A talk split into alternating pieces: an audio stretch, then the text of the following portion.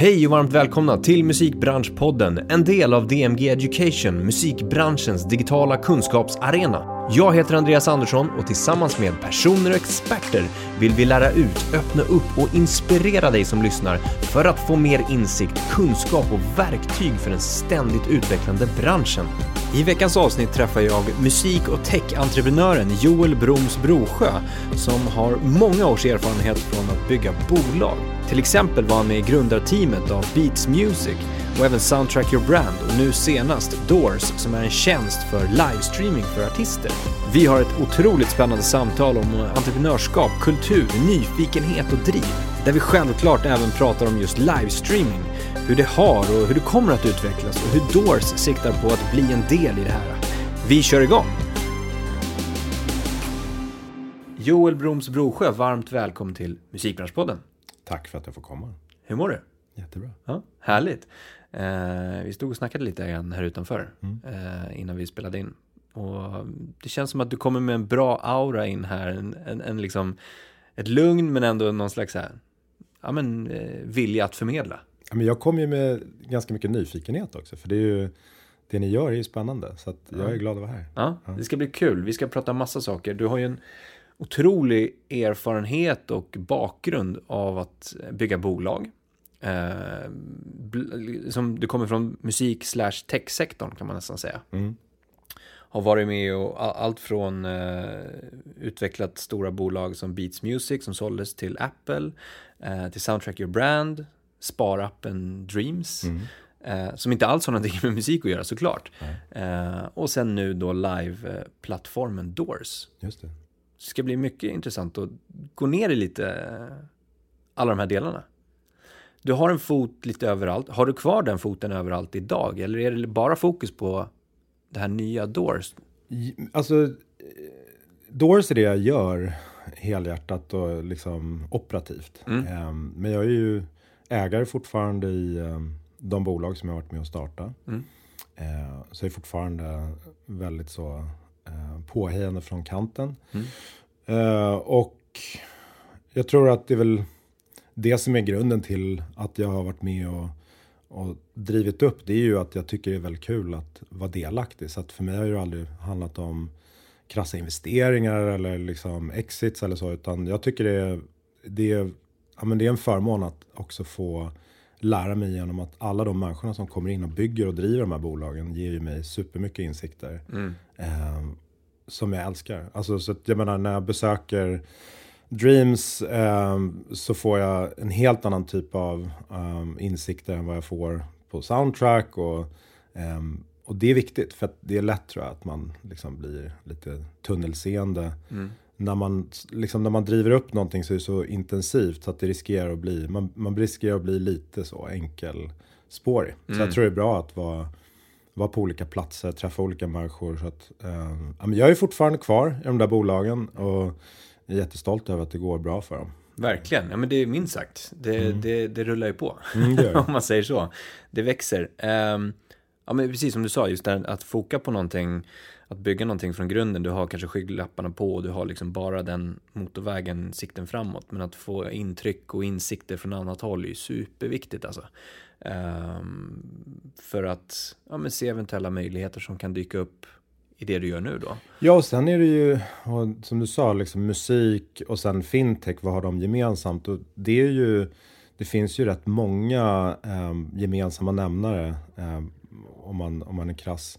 Men en av de viktigaste för mig, det är ju att Alltså jag är designer från början och det är ju mitt hantverk, alltså produktdesign. Mm. Och där är ju, om man tittar på Dreams, eh, det mest centrala egentligen för hur man förändrar eh, en typ av tjänst som om man går tillbaka i tiden såg väldigt annorlunda ut. Men som nu eh, har blivit utmanad och ser helt plötsligt helt annorlunda ut. Från början var det bara banker och det var liksom en ett, ja, men från ett kundperspektiv en ganska tråkig upplevelse. Idag finns det ju absurt många spännande, roliga, nischade appar, tjänster som löser olika delar av det som i finansiell liksom, värld är viktig för folk. Eh, och i Dreams fall så, så var ju det det mest spännande. Det är ju att liksom applicera det här tänket på hur man kan skapa upplevelser kring grejer och meningsfulla liksom, eh, tjänster väldigt belönande eftersom då var utgångspunkten att det var en rätt tråkig värld. Ja. Som konsument eller som användare. Så att Ja. när vi skapade Dream så var det ju någonting väldigt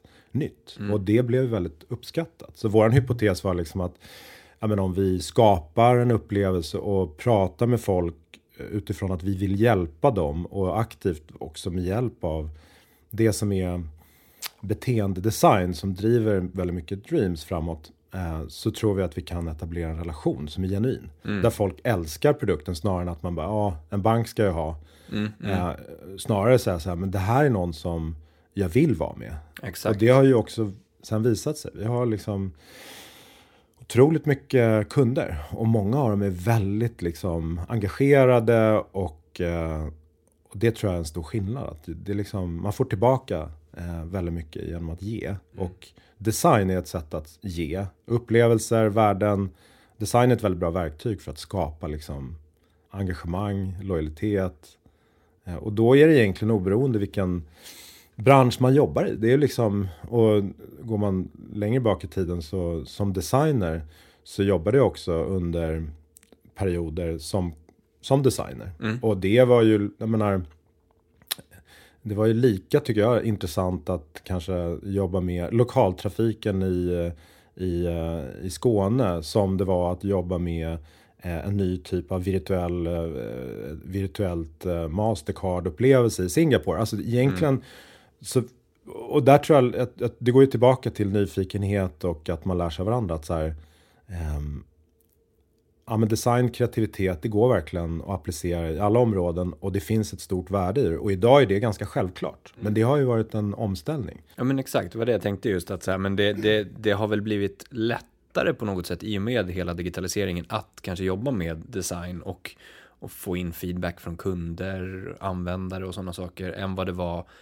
ja men säg 80-90-tal i alla fall, där det blev, var rent mer fysiskt så att säga. Ja, och jag tror att man hade ett perspektiv på design som att det var någonting man egentligen la på efter det att man Exakt. strategiskt hade bestämt sig för vad det är man ska sälja, hur och, och så vidare. Design var aldrig en strategisk viktig eh, bit. Men idag är ju alltså upplevelsedesign eller affärsmodellsdesign eller design överhuvudtaget är ju så centralt så att idag är ju det som driver eh, företag framåt på ett helt annat sätt. Mm. Ja, det måste vara med från grunden egentligen när du skapar företaget. Härligt. Ehm, men men eh, det här med design då, vad, hur, eh, hur kom du in på musiken i det hela så att säga? Eh, har du någon slags musikbakgrund eller? ursprunget till mitt första bolag. För då, jag fick förmånen att vara, vara med och driva Berns under två år. Och så hela huset och då var det liksom ett så här lite insomnat nöjespalats med anor. Eh, men så kom det in massa nya pengar, man skulle satsa på det här. Och jag jobbade tillsammans med Pontus och Patrik som hade uppdraget att egentligen ställa om hela verksamheten. Och då var det som en enda stor paketeringsorgie. För vi skulle ha liksom, ehm, ja men det var en stor konsertscen, ett hotell, en restaurang, eh, tre, fyra barer, en stor klubb i källaren. Och där var vi tvingade att liksom, för att kunna få eh, ordentligt med folk hela tiden, så vi var tvungna att liksom bryta upp det i olika just subkulturella grupper. Så du hade liksom en hiphopklubb en, en gång i veckan med de mest prominenta liksom, promotersna där. Du hade technoligan där och så var det drum and bass och så var det eh, Harry Burns som drev då livescenen så att du hade liksom eh, stora band som kom med regelbundenhet till den scenen och sen hade så, det, så den här liksom mång, mångfalden av upplevelser skulle paketeras och liksom och marknadsföras. Och där i satt jag och jobbade liksom natt och dag kring Okej. just det. Men Ja. så hur, du vet, hur, hur... och det var underbart, det var jättekul. Men det, och det, det, gjorde, det gjorde ju att jag fick både jobba med liksom design, paketering, koncept och musik. Alltså hade min egen klubb på torsdagskvällarna som hette El som bara var inriktad på elektronisk musik och live. Som vi då, vid 2003, egentligen om man ska vara krass då, så techno och elektronisk musik är ju väldigt så här ansiktslös. Det var ju hela idén. Det var white label och egentligen se bort ifrån upphovsmakaren och var ju bara kopplat till musiken. så det var nästan en kultur kring att man vet inte vem det är som har gjort det och som DJ vill man typ inte berätta vad den här nya låten var. Eh, men vi ville bryta upp det där och liksom försöka se om man kan så här, göra det till en liveupplevelse, alltså med musiker. Så det, och det fanns inte så jävla många som gjorde elektronisk musik live. Så vi började sätta samman olika konstellationer och så bokade vi band från runt om i världen. Och långsamt under de där två åren så blev det mer och mer vanligt. Mm. Um, och vi spelade in allt det där. För det ja. var också en medlemsbaserad klubb. Det var väldigt elitistiskt på ett sätt. Att det var liksom mycket, mycket av liksom paketeringen utgick ifrån Eh, men du vet, olika VIP, liksom, du vet, man skulle ta sig in. Det var någon journalist som skrev att, att gå på Berns är som att spela Super Mario. Att liksom när man, man, har, man levlar upp hela tiden, till slut så liksom står man i röda rummet och, och försöker komma in på den liksom sista lilla, det, eh, det rummet som är svårast att komma in på. Allting mm, kretsar mm. kring att komma in, vara en del av. Det gjorde ju att källaren så hade vi ju en kapacitet på max liksom, vad var det, 400 pers. Men vi bokade jättestora DJs artister mellan varven. Och det tyckte vi var liksom jättekonstigt. Att varför ska inte det här kunna gå och upplevas av andra? Så mm. vi spelade in med alltså, professionell vet, utrustning, DAT på den tiden. Med liksom, vi mickade upp eh, rummet och mixade liksom publikreaktionen och ljudet med det som kom direkt från mixerbordet. Så det, mm. blev, en, ja, men det blev en bra live-inspelning. Liksom, men vi visste inte vad vi skulle göra med det. Vi bara liksom hårdade. Så vi hade liksom ja, men 200-300 timmar material till slut. Okay.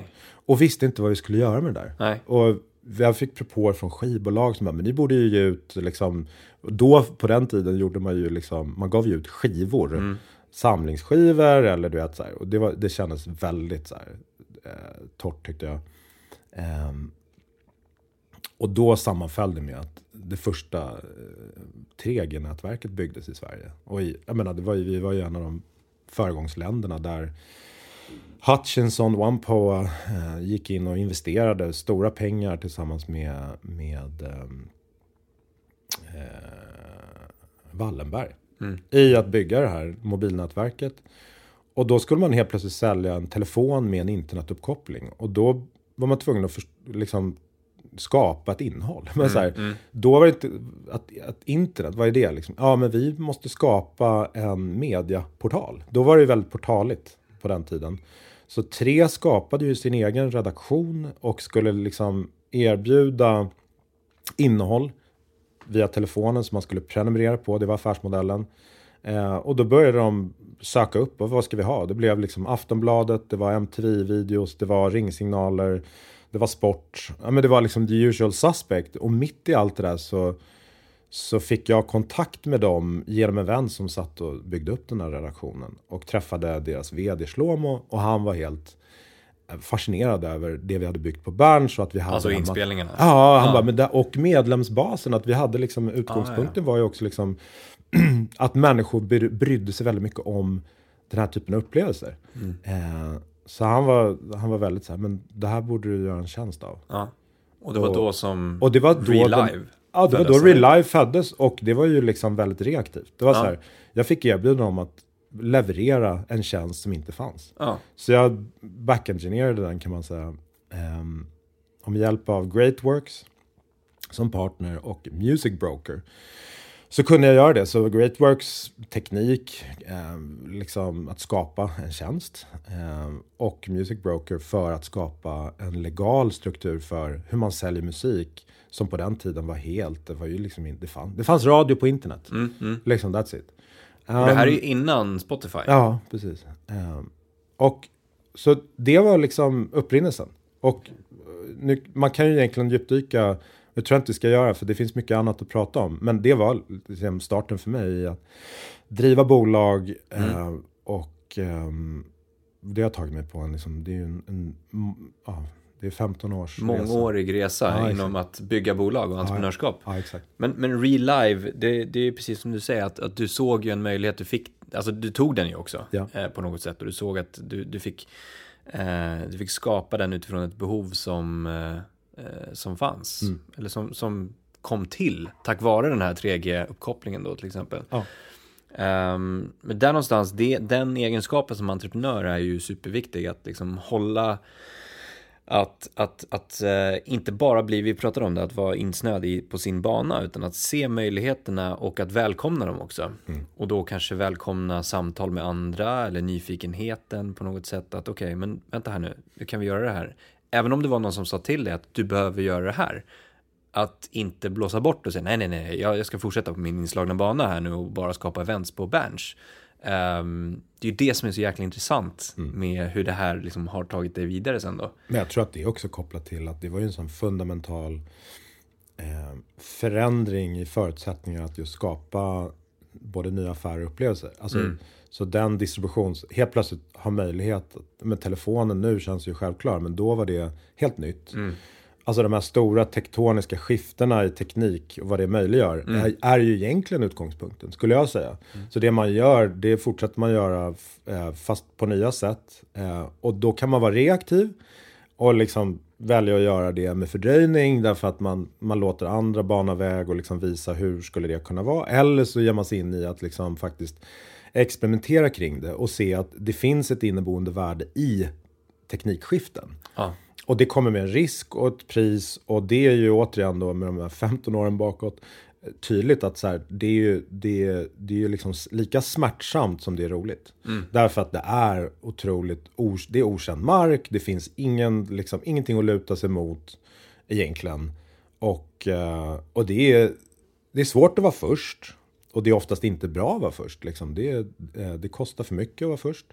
Men uppsidan med att vara först, det tror jag har väldigt mycket att göra med att man etablerar relationer med andra som har den mentaliteten. Så det skulle jag säga är behållningen för mig. Att jag har ju förmånen att idag jobba med människor som jag har ett väldigt liksom, långt förflutet med. Där vi litar på varandras eh, och har förtroende för varandras liksom, ja, men, så här, bedömningsförmåga men också riskvillig, alltså, eh, riskvilja. Att, så här, det finns ett visst mått av mod som krävs för att åstadkomma någonting mm. som är någonting. Mm. Så modet parat med någon sorts nykter bedömningsförmåga liksom, är för mig receptet. Och det kan man inte etablera eh, teoretiskt. Det kan man inte. Jag tror inte att man är liksom. Man föds inte utan bara som. Utan det, man etablerar de här grejerna genom erfarenheter.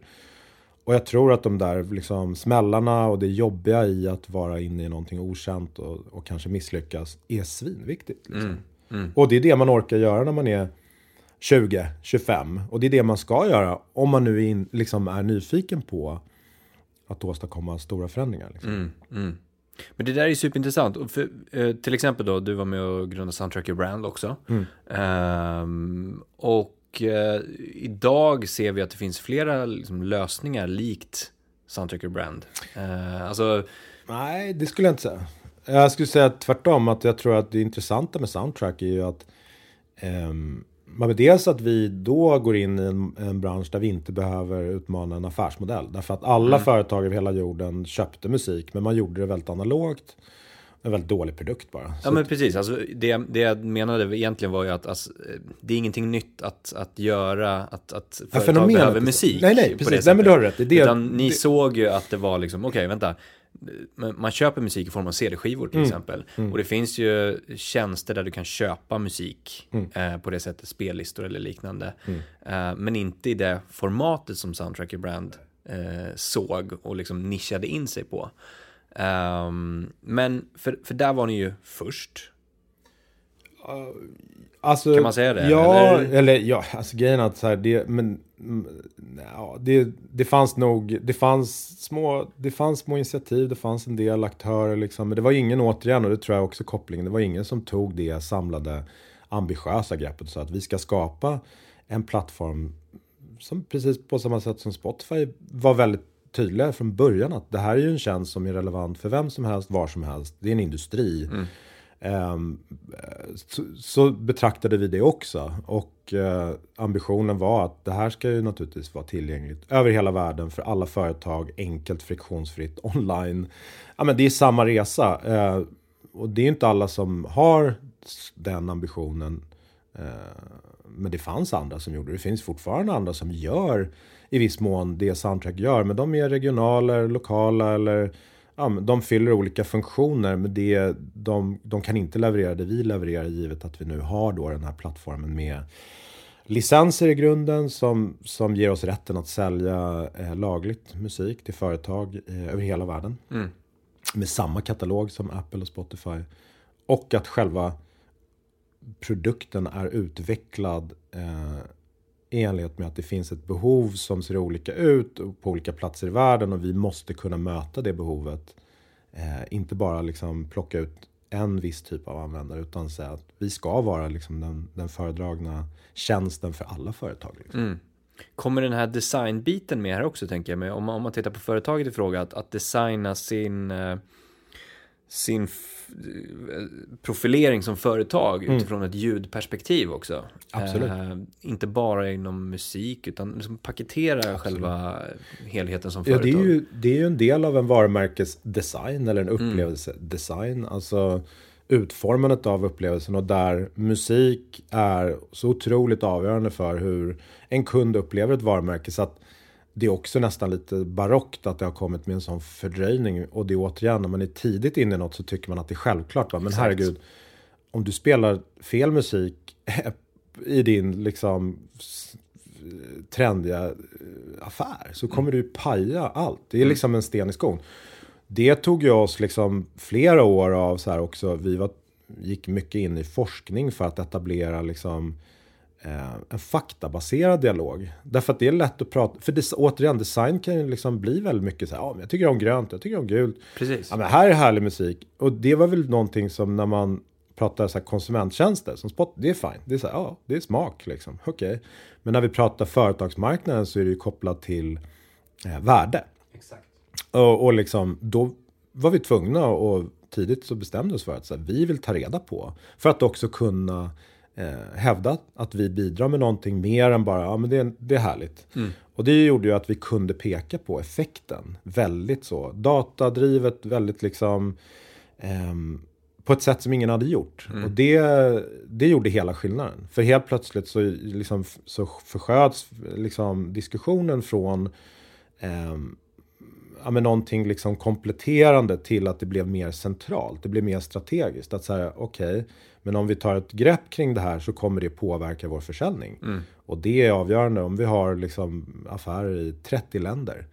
Och vi bara förändrar liksom, vi skjuter fram resultatet med 1,6% baserat på rätt musikstrategi. Ja, det säger sig självt och då är ju liksom kostnaden för den tjänsten vi tillhandahåller, den är försumbar. Mm. Men den resan tog um, och är fortfarande, det är ju fortfarande en resa som är, den är inte oavslutad på något sätt. Men jag kan se det, att nu har det, det har satt sig. Mm. Nu är det liksom självklart nästan för alla. Ja, mm. men det finns ett, ett strategiskt värde av musik. Men det tog, det tog sju år. Ja. Ja men och allt vi ser med nu också framåt med ljud. Alltså bara en sån sak. Alltså mm. att det, det, det, går även från musik till att ljudlägga ja. på något sätt inom talking eller vad det nu kan vara. Clubhouse-trenden och nu, vad var det igår senast som... Eh... Med förvärvet som Spotify. Ja exakt. Ja. Eh, och flera, flera stora bolag som går ut och säger nu ska vi, nu ska vi ta ett grepp om det. Mm. Men jag tänker på det här med som du sa att vara först på en marknad eller att, att skapa den mest optimala produkten eller att jobba med marknadsföring. Vad skulle du säga är, hur ska man utvärdera det som när man startar någonting nytt? En ny tjänst eller ett nytt företag? Ska man liksom, bör man skrämmas av att vara second, tionde, tjugonde? Nej, alltså så här, det, det ska man absolut inte vara därför att eh, det är lite som att hävda att ja, men det finns redan Audi och BMW så varför ska jag göra Tesla liksom? Ja.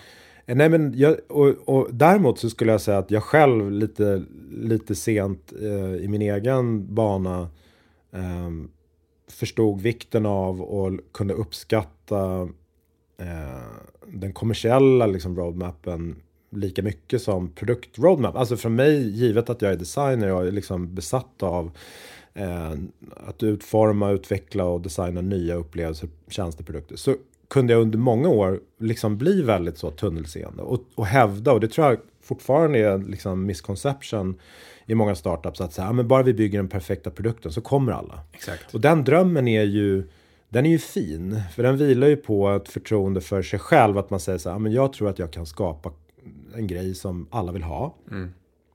Men, men verkligheten ser ju lite annorlunda ut och jag tror att jag tror att det liksom är dumt att inte förstå att det finns lika mycket kreativitet och talang och värde i den kommersiella sidan av eh, en tjänst.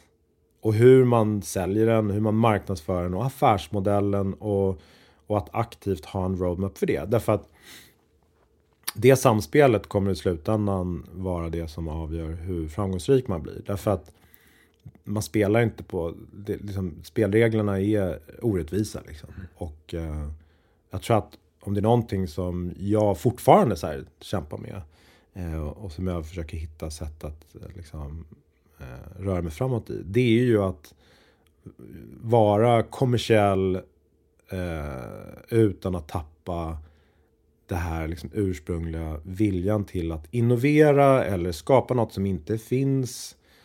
Som det inte går att kanske peka på ett historiskt värde av. Eller data kring. Eh, för det är ju lite så att liksom Ja, frågar folk vad de vill ha så vill de ha en häst. Ja. Och inte en bil. Ja. Och det är ju allt det där är ju liksom tjatigt. Men det finns ju någonting i det. Mm. Det är mm. liksom så här, ja om du bara är, om du replikerar det som redan finns eller stirrar dig blind på dina konkurrenter och försöker vara kanske lite bättre eller så här putsa i marginalen. Då är det svårt liksom. Du behöver ju ha en, en idé om att skapa något unikt som inte finns och där du har din egen tydliga position. Annars är det lite bortkastat liksom. Mm. Ehm, och rätt svårt. Ehm, så den, avväg, den avvägningen är nog den, den svåraste, vilket gör att, tillbaka till din fråga, att så här, i tidigt skede i ett företag när man startar det. Så tror jag att man ska, vara, man ska ha den diskussionen. Okej, okay, hur säkerställer vi att vi kommersiellt har någonting som, är, som fungerar, där det finns en tydlig plan för hur, hur man kommersialiserar det man gör. Eh, men har en tydlig idé om att ska, också skapa något som, som ingen annan har, som är unikt. Eh, så att man inte skjuter det på framtiden. Det är ju den här klassiska också, så, ah, men vi bygger en produkt och eh, affärsmodellen, alltså det tar vi sen. Därför att Exakt. bara vi har 38 eh, miljarder användare så det är klart att vi kan monetarisera det här på något sätt och hej och. Mm. och det var ju säkert, under en period så funkar det. Därför mm. det var ju så också riskkapital eh, betraktade techsektorn tror jag. Liksom att så här, man var väldigt fascinerad över att kunna skapa stor användarbas som sen gick att hitta värden i på olika sätt. Idag är det mycket tuffare. Liksom. Mm. Man förväntar sig eh, kommersiell bäring mycket tidigare och liksom nykter. En affärsmodell som funkar och går att räkna på. Mm. Så på ett sätt är det svårare att vara innovativ idag än det någonsin har varit. Och på ett annat sätt aldrig varit så enkelt därför att man har nu utifrån genomförandeperspektivet så mycket verktyg eh, liksom till hands. Som, men hela SAS-revolutionen är ju vansinnig. Men någon har sagt så här att för varje, för varje anställd i, en, i ett tech-startup. Eh, alltså om du, om du tittar på hur många anställda du har. Lika många system kommer du förmodligen ha byggt mm. in. För att kunna driva din affär. Och det stämmer lite. Det är, så här, det är en absurd mängd liksom, mjukvarubaserade leverantörer som man kan använda sig av för att åstadkomma något. Och liksom, allt är ju tillgängligt. Mm. Allt är ju liksom också gratis i början.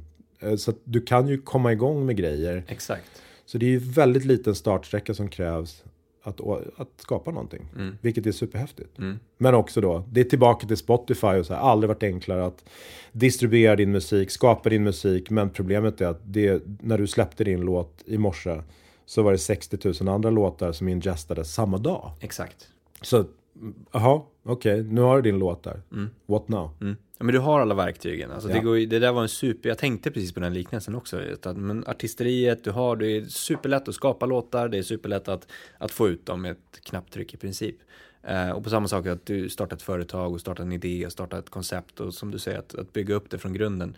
Eh, men hur, hur, hur, hur differentierar du dig från andra? Mm. Eh, hur jobbar du med värdeskapande för kunder till exempel? Mm. Hur, hur, hur kommunicerar du med fans eller med kunder eller med samarbetspartners? Hela den ma maskineriet är ju verkligen det du behöver fokusera på. Mm. Men jag tänker på det här med också Tror du att det har, alltså, som vi var inne på, att eh, mentaliteten kring att blåsa upp någonting superstort, en affärsidé, eh, ta in riskkapital, extremt mycket pengar och sen ska vi hitta den här modellen och skapa produkten och skapa teamet utifrån det.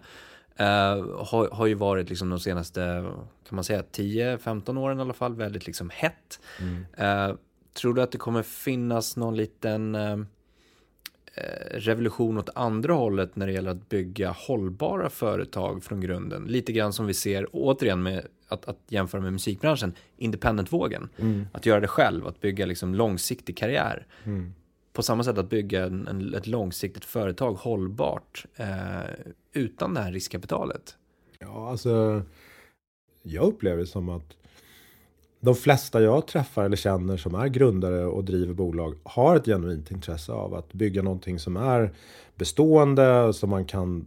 Det, det är nog, det är nog liksom, i de flesta fall drömmen. Och tycker liksom, om man tittar på Klarna så är det otroligt eh, inspirerande att liksom höra Sebastian prata om att det här han gör, det är bara början. Eller Daniel, när han pratar om att ah, men det här är bara början. Alltså, och då har det ändå gått ganska många år nu. Mm. kan man mm. fråga sig, när slutar ett startup vara ett startup och övergå i ett företag? För jag menar, vad, men den gamla tiden och så, så, ett företag är ju ett, ja, det, det, är en affärsverksamhet och liksom och där kan man väl se att liksom många, många av dem jag nämnde nu och, och många andra med dem har ju verkligen bestämt sig för att bygga någonting bestående. Mm, mm.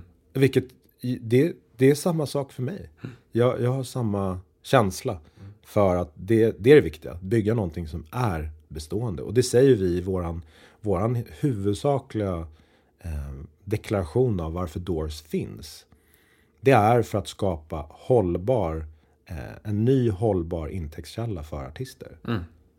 Och skapa möjligheter till en kreativ renässans som vi uttrycker. Därför att det är med alla de möjligheter som finns nu eh, en ny tid som möjliggör en, en liksom, tillväxt, en utveckling och lika mycket på liksom, kommersiellt sätt men också kreativt. Att, alltså, alla de här verktygen, plattformarna, distributionskanalerna det möjliggör för kreativa människor att skapa gränslöst. Liksom. Och det är fascinerande. Och, vi vill, och det är tillbaka till eh, ja, men, kommersiella roadmappen eh, och produktroad. Alltså att man, man måste liksom växla mellan de spåren. Jag tror att liksom, man måste vara genuint kommersiell i sitt tänk. Och det är vi. Det liksom handlar om att artister ska få betalt.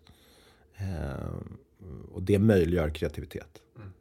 Och kreativiteten är ändå det, det är ju det som det är ju bränslet som det driver mig i varje fall. Jag tycker det är det som är, är det mest fascinerande. Det är ju att se eh, kreativitet som, som, som möjliggörs av teknikskiften eller plattformar eller verktyg.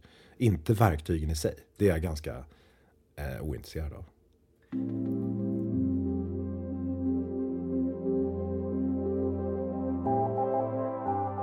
Om vi kommer in på mentalitet och, och, och kultur, företagskultur eh, när man bygger bolag eller när man eh, utvecklar bolag också tänker jag mig. Eh, att ha den här liksom ta över världen mentaliteten men samtidigt ha en må bra kultur hos sig själv kanske som grundare eller grundarteam men också föra vidare det till, till eh, liksom tidig personal och, och sådana saker. Hur, hur skulle du säga att man balanserar det? Att liksom ta över världen, jobba 24-7 men samtidigt balansera det med att, att, att ha den, den svenska kulturen, arbetarkulturen, eh, där du ändå ska må bra och liksom åka på semester och hela den biten. Alltså, det råder inget tvivel om att människor som har balans i sitt liv är bättre än människor som inte har det. Och sen kan det vara så att man under perioden när man är ung kan gå all in och jobba dygnet runt och det funkar liksom. Men vi jobbar inte, jag skulle säga så här, det beror på vad man har för eh, konstellation eller bolag och i vilket skede. Men Doors eh, består bara av människor som har, tror jag, tagit sig förbi den partiet där man liksom inte är medveten om vikten av balans. Liksom. Eh, det betyder inte att vi inte jobbar intensivt i omgångar i olika utsträckning, tvärtom. Liksom. Men om man ser arbetsmarknadsmässigt och när man rekryterar. Det finns inget utrymme för eh, att ett bolag eh, med nystartat går ut och rekryterar och säger så här, här jobbar vi 24-7. Den mentaliteten är det ingen som dras till Nej. i Sverige. Så det är ju ingen säljargument att säga att oh, välkommen till mitt startup där alla jobbar dygnet runt och inte har något liv. Det är ett jättedåligt säljargument. Och det är ju till och med så att liksom, jag menar, tävlar jag med eh, nämnda bolag som jag pratade om tidigare, stora bolag som har liksom HR-avdelningar och väl, allt är väldigt så safe. Liksom. Eh, så, och, och, jag vill ha personal som, som kommer därifrån. För det är ju det, det är ju en rörelse, folk rör ju sig liksom. Eh, och det finns ett fåtal talanger. Då måste jag också tävla på, med, samma, med samma villkor. Jag måste säga, ja, det här är också en, en balanserad miljö. Du har en trygghet. Vi har en sund kultur. Men vi förväntar oss resultat. Vi är mm. extremt resultatorienterade och vi har högt uppsatta mål. Men det är ju driv, det är liksom det motorn och det som kan ge dig eh, mening. I att det du gör kommer vara en del av någonting som har potential att bli någonting substantiellt. Mm. Men det betyder inte att kravet är att du ska jobba 24-7. Men sen är det det där är ju, jag menar, givet att vi jobbar eh, med USA, med England, det är olika kulturer. Och jag menar, det är klart att nordamerikansk kultur ser väldigt annorlunda ut. Om man tittar på Sverige som att, men ni är helt galna. Är ni på semester? Mm. Mitt i en sprint eller vad då ska ni, vad är det här? Ja, det är annorlunda. Och det är vad det är. Och vi måste förhålla oss till det.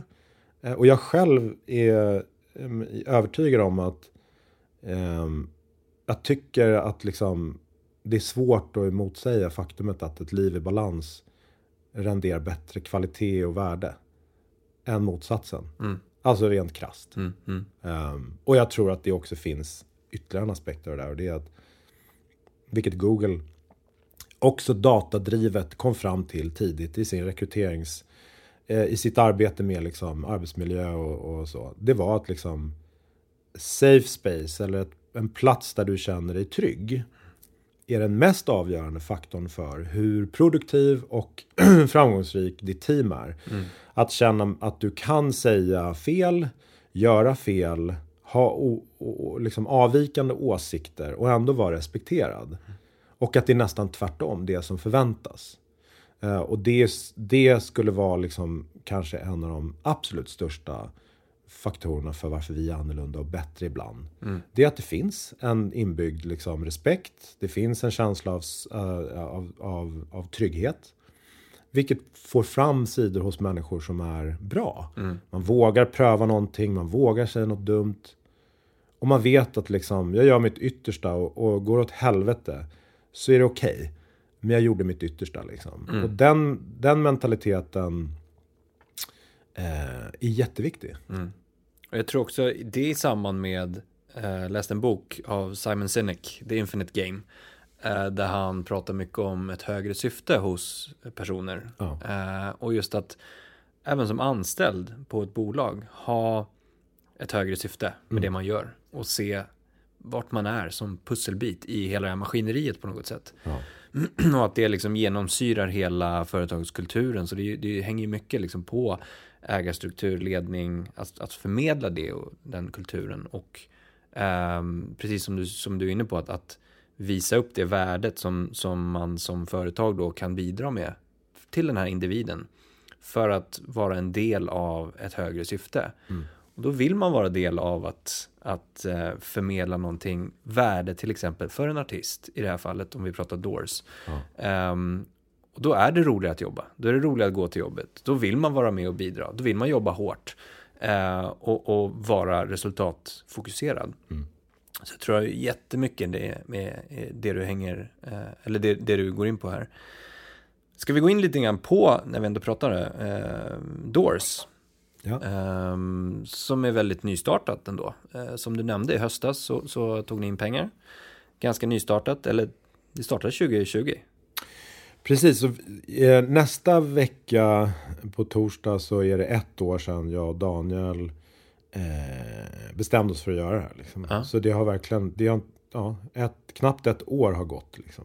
Och det, det är nog en, en av de mest liksom, eh, så här, titta tillbaka, det är helt vansinnigt hur mycket vi har hunnit um, åstadkomma och skapa på den här korta tiden. Så det är, det är, vi är mitt uppe i det, men jag kan jag bara stanna upp och reflektera lite häromdagen. Att det är liksom, eh, det är rätt häftigt. Verkligen.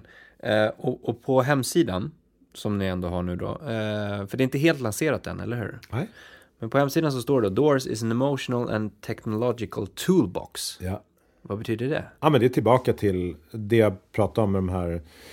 Ja, men det är helt ointressant att bygga en teknikplattform om inte den används för någonting meningsfullt. Så att det är tillbaka till att det finns två sidor av det vi gör som är viktiga. Den ena är den, den, den aspekten som är infrastrukturell och som är väldigt teknisk och som är väldigt liksom komplicerad som, som kretsar kring att vi bestämde oss för att när vi startar bolaget och ser behovet av och möjligheten för en ny typ av kategori i musikindustrin. Digitala konserter som intäktskälla och upplevelse. Och att den egentligen då hyperaccelererades av pandemin såklart. Mm. Såg ni den innan pandemin eller var nej, det en effekt nej, det här, är, det här är ju uppkommet mitt i en kris Mm. som en kris kommer med möjligheter. Mm. Um, livestreaming fanns ju innan covid. Och då livestreamade man gratis. Dåligt, liksom, det, det var bara, ja, men det var ett sätt att liksom distribuera något som egentligen bara tillhörde en attention economy-grej. Liksom. Mm. Nej, men tillbaka till eh, emotional technology. eh, liksom de två bitarna handlar ju om att då när vi startar så ser vi att vi måste lägga grunden för en ny infrastruktur. Som är liksom lika delar själva livestreamingen. Och det är ingen rocket science, men den måste vi göra till någonting som är meningsfullt för artister. Så att det är väldigt liksom, hög kvalitet på ljud och bild och, och, och att det är live. Liksom, Mm. att det Så är, den rena tekniken bakom? Ja, eller? det är den ena. Och den andra är liksom den finansiella delen som är så här, hur säljer jag biljetter friktionsfritt? För det är ganska komplicerat. Om du säljer biljetter i olika länder så ska du betala skatt lokalt i olika liksom, tariffer. Och du ska också betala då rättighetsavgifter i varje land där du säljer biljetter. Och det kommer liksom massa komplexitet. Det måste vi lösa. Det är en infrastrukturellt bygge som är ganska omfattande. Eh, Det finns andra tekniska aspekter för sig. Hur möjliggör du interaktion eller hur möjliggör du XYZ? Det är liksom allt det som kommer med att så här, gen, skapa, genomföra, uh, tjäna pengar på digitala konserter. Det är rätt många områden som är väldigt teknikorienterade. Det är ju det i grunden som eh, vi gör och bygger, utvecklar. Och återigen då tillsammans med stora partners. Amazon är våran nära partner för streamingsidan. Eh, AVS, IVS och Stripe när det kommer till finansiella flöden och, och, och funktioner och produkter. Och så en rad andra som är väldigt nischade kring väldigt specifika delar. Ehm, den andra sidan då, emotional toolbox, det är ju att vi vill ju att det här är någonting mer än bara eh, liksom YouTube live. Vi vill ju utveckla användarupplevelsen både för artisten, eller jag skulle säga primärt för artisten. För det, vi ser ju att artisten är vår kund. Ehm, och det är, en- om man tittar utifrån ett artistperspektiv så är det någonting djupt märkligt att gå in i ett rum och försöka skapa den energin som i vanliga fall skapas i mötet med en publik. Mm. Så när du går in i ett rum som är helt tomt så är det extremt svårt att få den nerven att liksom kicka in. Och då betyder det att produktdesignmässigt så är vår utmaning det att skapa just möjligheten för emotionella eh, liksom, upplevelser. Och de verktygen kan handla om eh, sätt på vilket artist och, och liksom betraktare kan kommunicera eller ge varandra feedback. Framförallt då att artister får feedback och känsla av att, att det finns någon på andra sidan. Mm.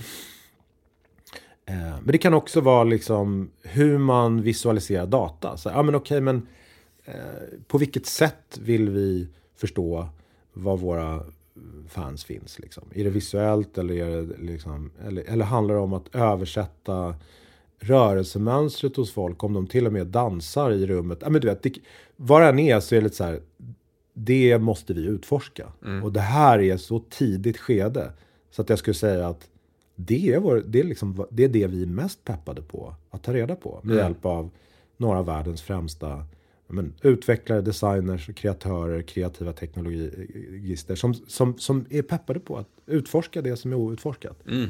Så emotionellt, det, i slutändan måste upplevelsen vara, ha ett emotionellt värde. Annars så kommer inte jag betala pengar Nej. för att se det. För är det bara transaktionellt och är det bara liksom, ja men då, går, du vet, då går jag hellre på en fysisk. Och det är det, det här handlar ju om att också så här, vi hoppas ju på att kunna gå på klubb, festival också. Exakt. Så och, är det kom, och, det, och det kommer hända snart. Mm.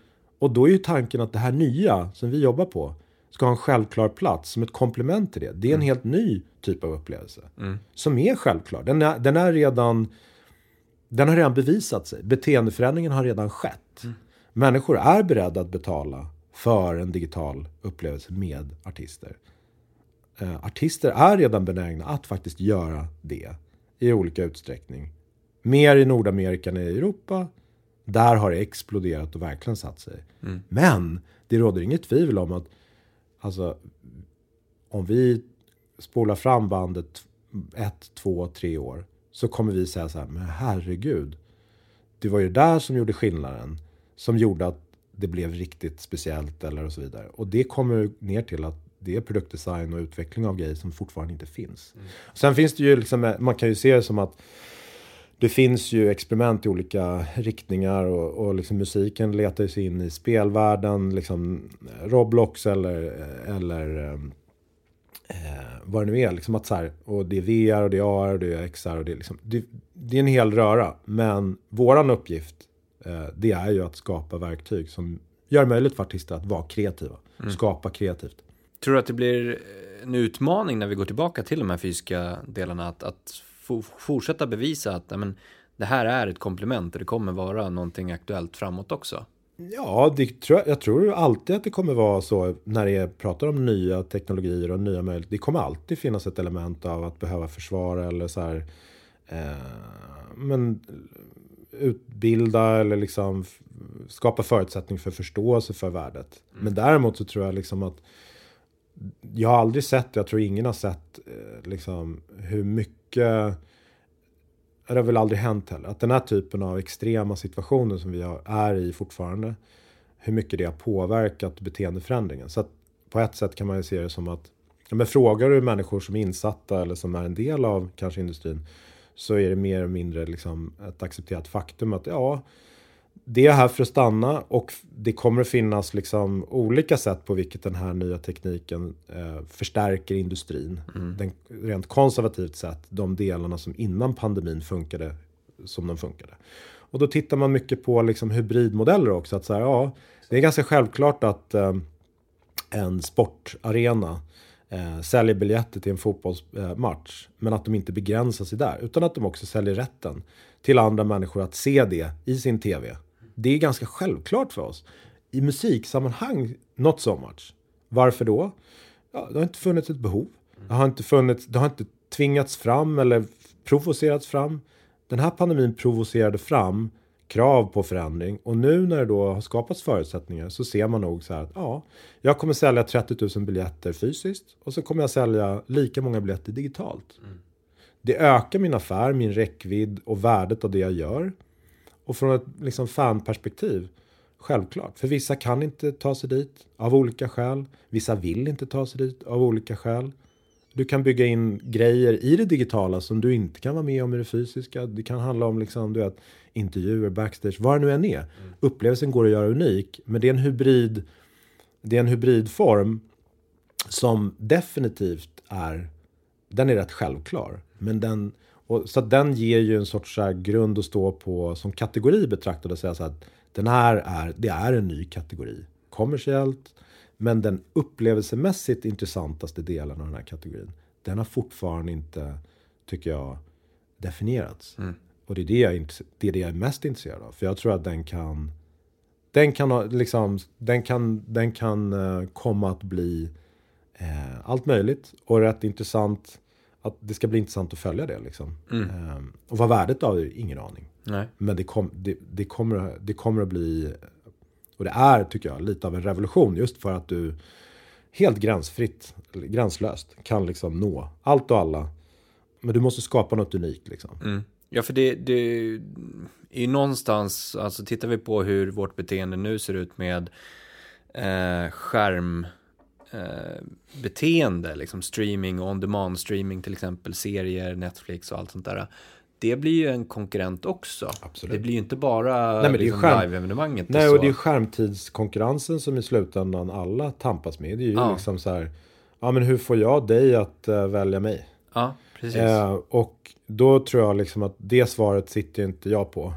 Eh, det sitter kreatören på, innehållsskaparen på, de som är duktiga på det. Mm. Och, och, och, och, och sen så återigen, allting samman, all, allting liksom.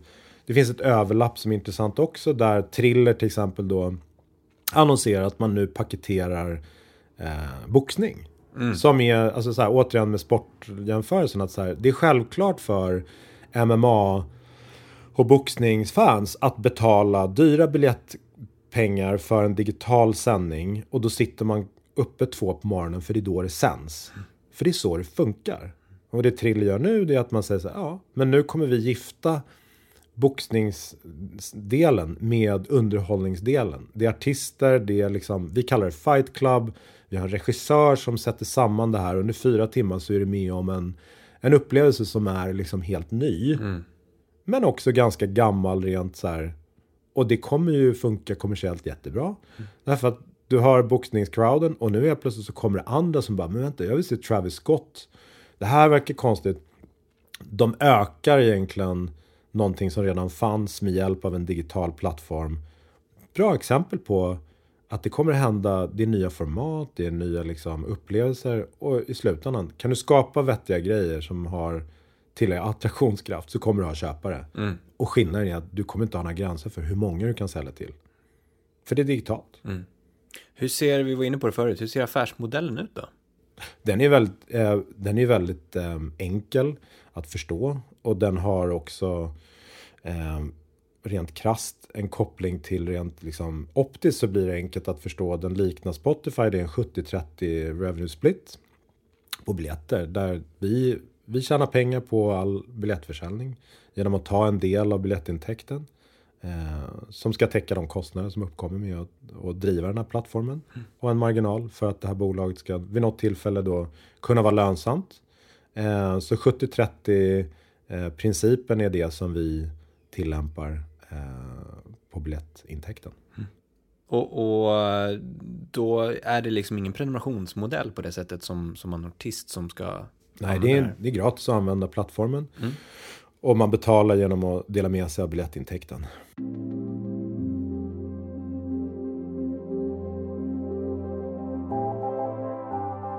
Om vi tittar på ehm, liksom tiden för att skapa nytt nu. Ni skapade det här i, i liksom pandemins spår, om man säger så. Eh, men ganska tidigt. Eh, vad skulle du ge för tips till den som känner att så här, fan, jag har också idéer, fast nu, och inte riktigt har startat igång det? Är det för sent? Eller vad, hur bör man, Idéer kring att skapa någonting nytt? Eh, innehållsmässigt eller t- utifrån ett Ja, men affärs, tjänsteperspektiv? eh, Affärsmässigt? Mässigt liksom, att man, Ja. man ser eh, behovet av en tjänst eller Ja, ett företag. förstår. Nej, alltså jag tror... Jag tror aldrig man ska... Alltså så här, jag, jag tror aldrig man ska hänga upp sig på och vara för opportunistisk kring ehm, tillfälliga tillstånd. Och jag tror så här, det är väl det vi såg. Att det fanns väldigt många, och det är ju inget tvivel om att det är en absurt fragmenterad marknad med hundratals aktörer. Livestre- alltså ticketed livestreaming. Eh, Och det är ju på grund av att så här, det fanns väldigt många och finns mycket opportunism. Att snabbt gå in och dra fördel av en kris och tjäna pengar helt krasst på, på lidande. Alltså om man ska vara lite cynisk så är det det det handlar om. Det tror jag är en, det är en farlig väg att gå. Jag tror att det är bättre att i så fall betrakta utifrån att vad är det det här innebär för typ av beteendeförändring som kan möjliggöra en ny och hållbar affärsidé. Det tror jag man måste göra. Därför att tillbaka till hållbarhet. Det är så här, annars så är man respektlös i förhållande till att när man börjar, när man skapar ett bolag och börjar anställa folk och bygger någonting. Så har man ett ansvar för dem som man faktiskt drar med sig och de man anställer och dem. Och vet man liksom inneboende att man egentligen bara har en plan som sträcker sig igenom ett tillfälligt tillstånd. Då har man ju liksom aktivt valt att välja bort ansvarsbiten. Kolla förbi pandemin. Håller inte din idé efter det att man kommer igång med det som vi kan kalla den gamla tidens normalläge. Då ska du nog inte göra det. Nej. Vad skiljer er från alla de här hundra andra nu då? Vad är eran USP? Ja, men jag skulle säga att eh, dels att vi säger att vi vill skapa något för alla. Alltså att det är en öppen plattform. Så du har ju otroligt många plattformar som är väldigt regionala och som oftast är väldigt kopplade till att man själv vill vara en arrangör eller man köper artister. Alltså det, det, är liksom, det, det, det är som en sorts ny typ av promoters som har byggt en plattform. Mm. Där man måste förhandla med någon för att som artist då komma in och sälja biljetter. Eller vad, ja.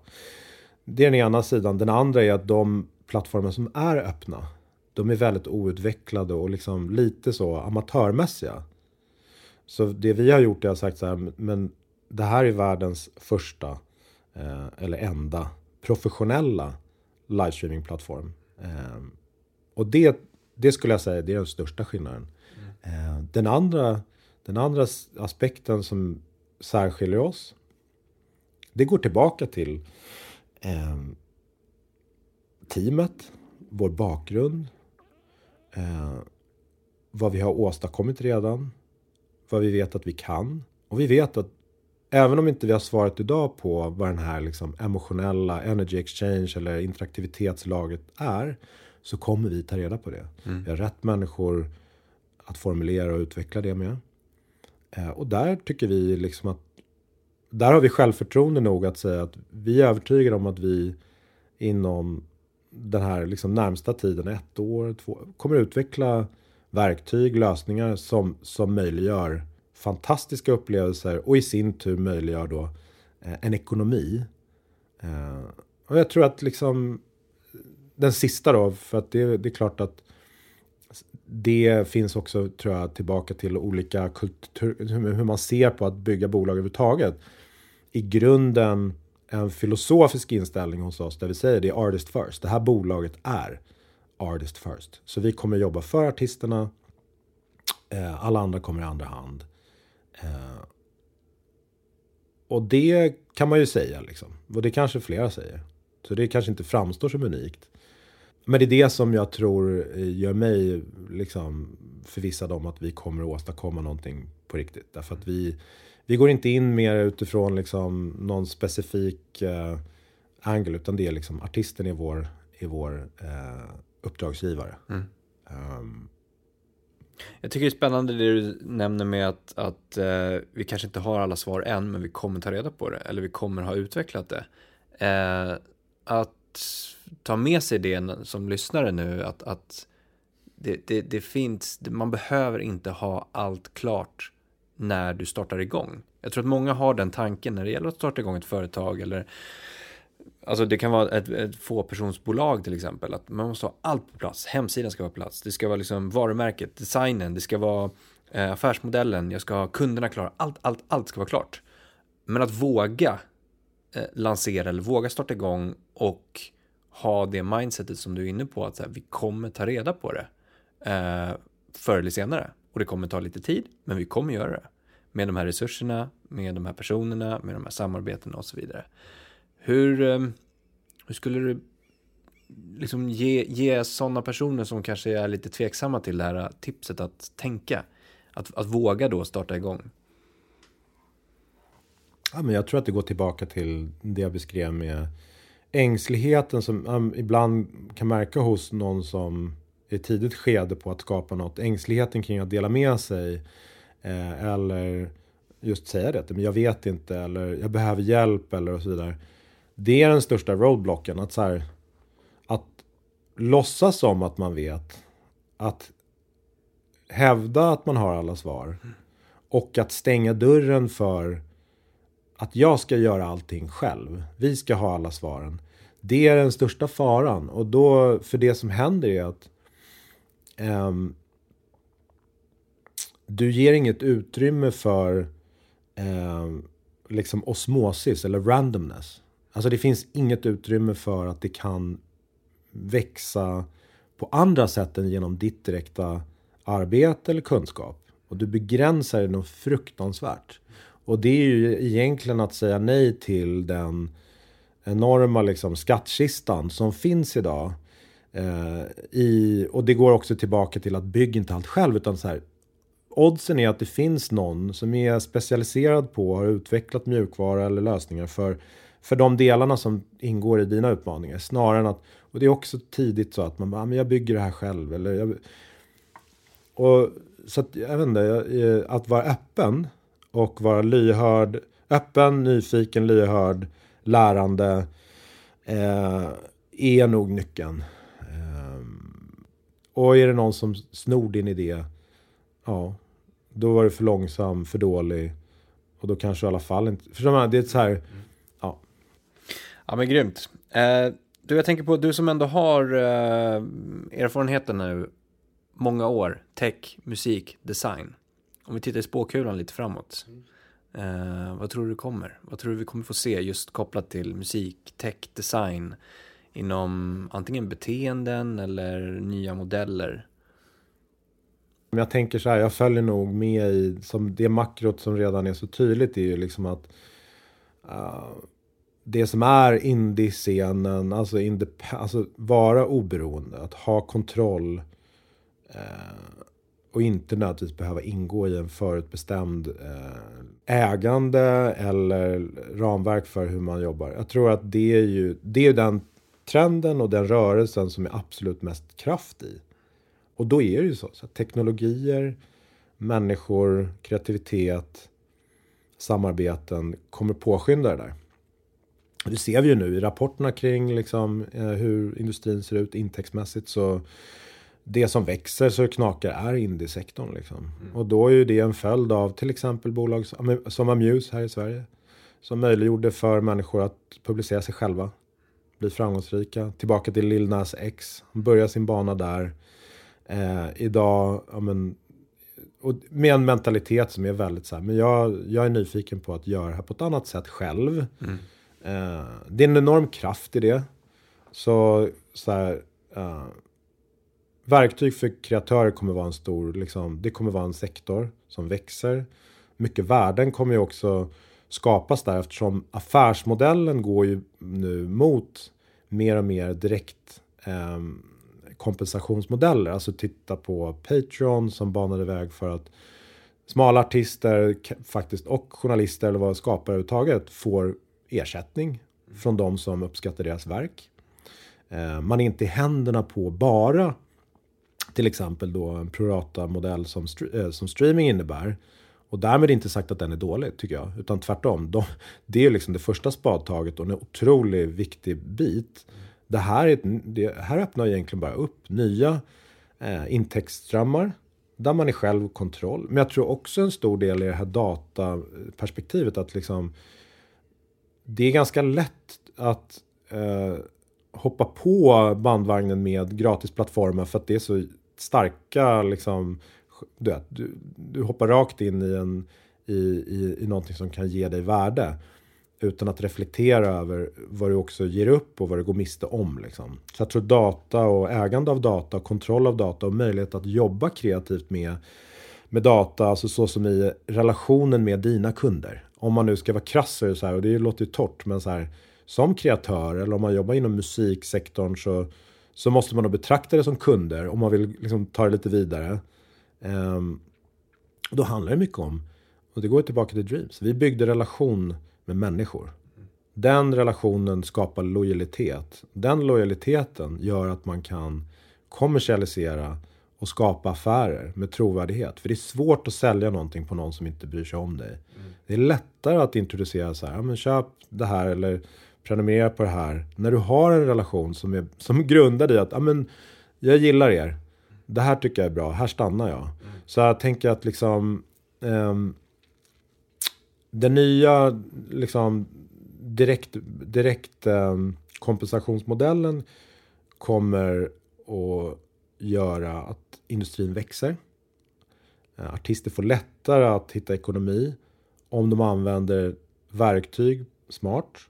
Och det banar väg för att det finns utrymme för många nya typer av tjänster och verktyg. SAS-bolag. Alltså det är ju den här SAS-revolutionen som har inträffat generellt den ska naturligtvis slå igenom eh, och håller på att slå igenom inom musikindustrin. Mm. Eh, så där finns det ju en enorm ut, en möjlighet liksom, för nya bolag, nya tjänster som nischar in sig på att ta bort friktion, lösa problem, enabla värden för artister på smarta sätt. Eh, och framförallt tror jag det handlar nog väldigt mycket om att förenkla för artister att hitta sina fans, kommunicera med dem på sätt. Alltså marketing och sales är ju någonting svårt för artister. Mm. Eh, och det finns mycket lösningar som väntar på att skapas tror jag. Mm. Eh, och sen tror jag, sen tror jag liksom generellt att eh, behovet av kultur och musik det, den är liksom, det är, en, det, är en, det är en konstant, det är en faktor. Men sättet på vilket liksom, vi konsumerar är det som förändras. Och det går egentligen bara mot att det blir eh, mer och mer värdefullt att skapa meningsfulla upplevelser. Du kan bli kompenserad. Så att, återigen, jag tror att ekonomin i kulturen mm. har en sorts väldigt optimistisk framtid. Om det är tillräckligt många som kommer in och börjar just skapa förutsättning för det. Och då är det ju entreprenörer som, som är villiga att ge sig in i att skapa de nya bolagen som krävs. Mm. Grymt. Joel, supertack för uh, härligt snack. Och stort lycka till med Doors. Tack så mycket. Tack för att ni är så många som lyssnar på podden. Det är ni som gör att vi kan fortsätta. Prenumererar du inte på podden så är det ju faktiskt hög tid att du klickar på den där lilla knappen nu. Och för ännu mer kunskap, gå in och registrera dig för kunskapsbrevet på vår hemsida dmgeducation.se. Det är inget spam, det är bara kunskap. Ta hand om er ute så hörs vi igen nästa avsnitt.